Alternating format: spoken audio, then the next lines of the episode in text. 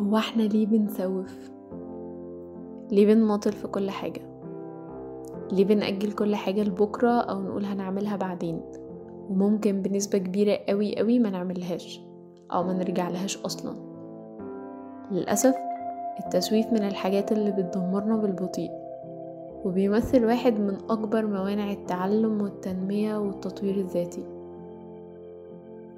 التسويف والمماطلة هيقتلوك. لو ما قتلتهمش انت وكملت المقال ده لحد الآخر.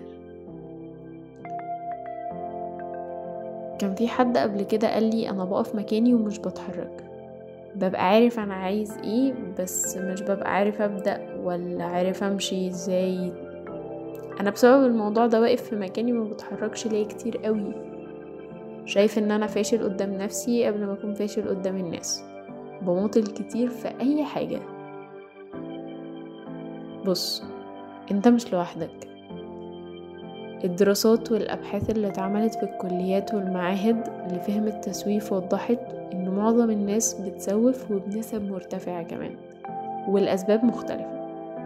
ده كمان من ضمن الحاجات العظيمة إنهم أطلقوا معادلة على التسويف. المعادلة دي بتوضح مسببات التسويف المختلفة والتحفيز إنك تقوم بالعمل أو الحاجة دي والعلاقة بينهم.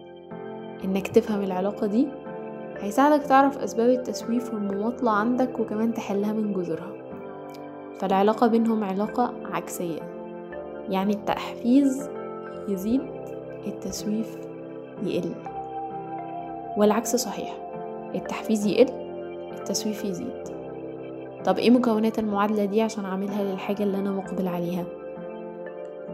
هسيب لك صورة فيها مكونات المعادلة دي وإن شاء الله تكون بداية التغيير ليك.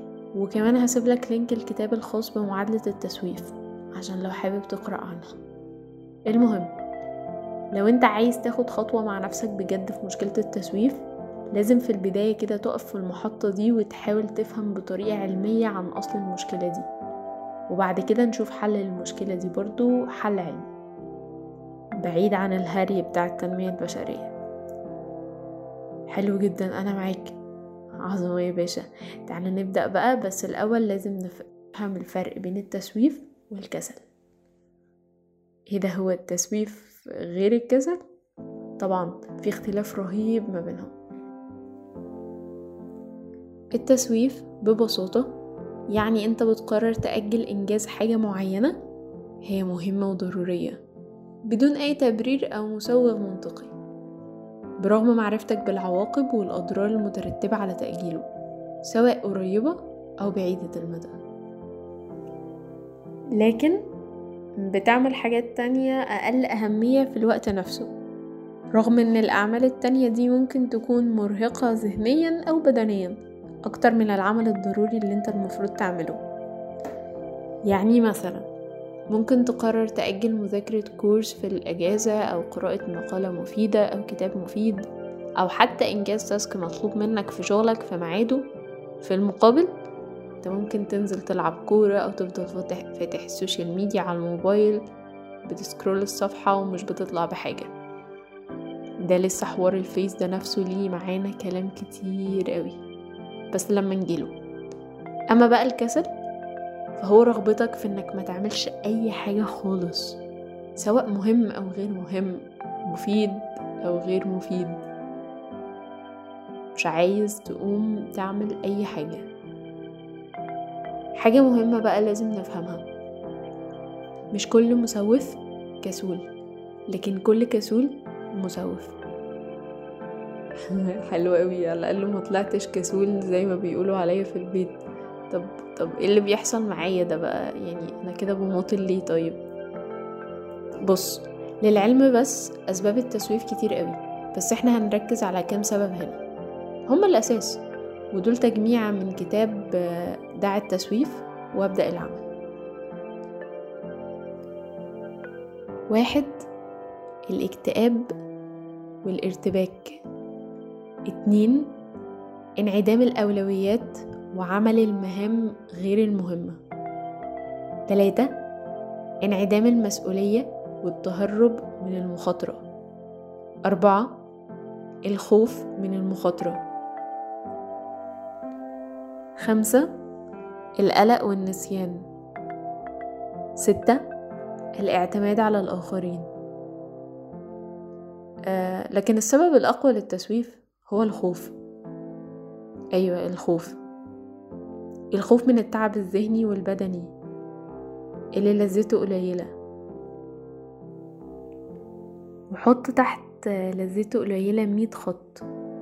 الإنسان بيدور على الراحة بس لو رجعنا نركز مع الشخص اللي بيسيب مذاكرته ويلعب كورة ده إيه ده؟ ما أنت بتتألم أهو في اللعب وبتبذل مجهود أكتر. أمال في إيه؟ أنت بتبذل مجهود يمكن أكتر من المجهود المطلوب للشغل بتاعك أصلا.